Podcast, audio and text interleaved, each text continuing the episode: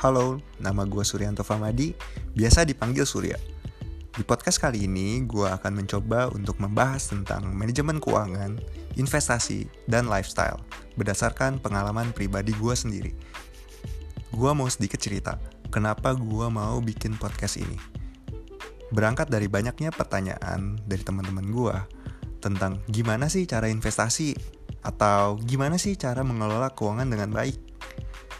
Dari pertanyaan tersebut, gue kepikiran buat konten dalam satu platform yang bisa diakses rame-rame dan dipelajari rame-rame.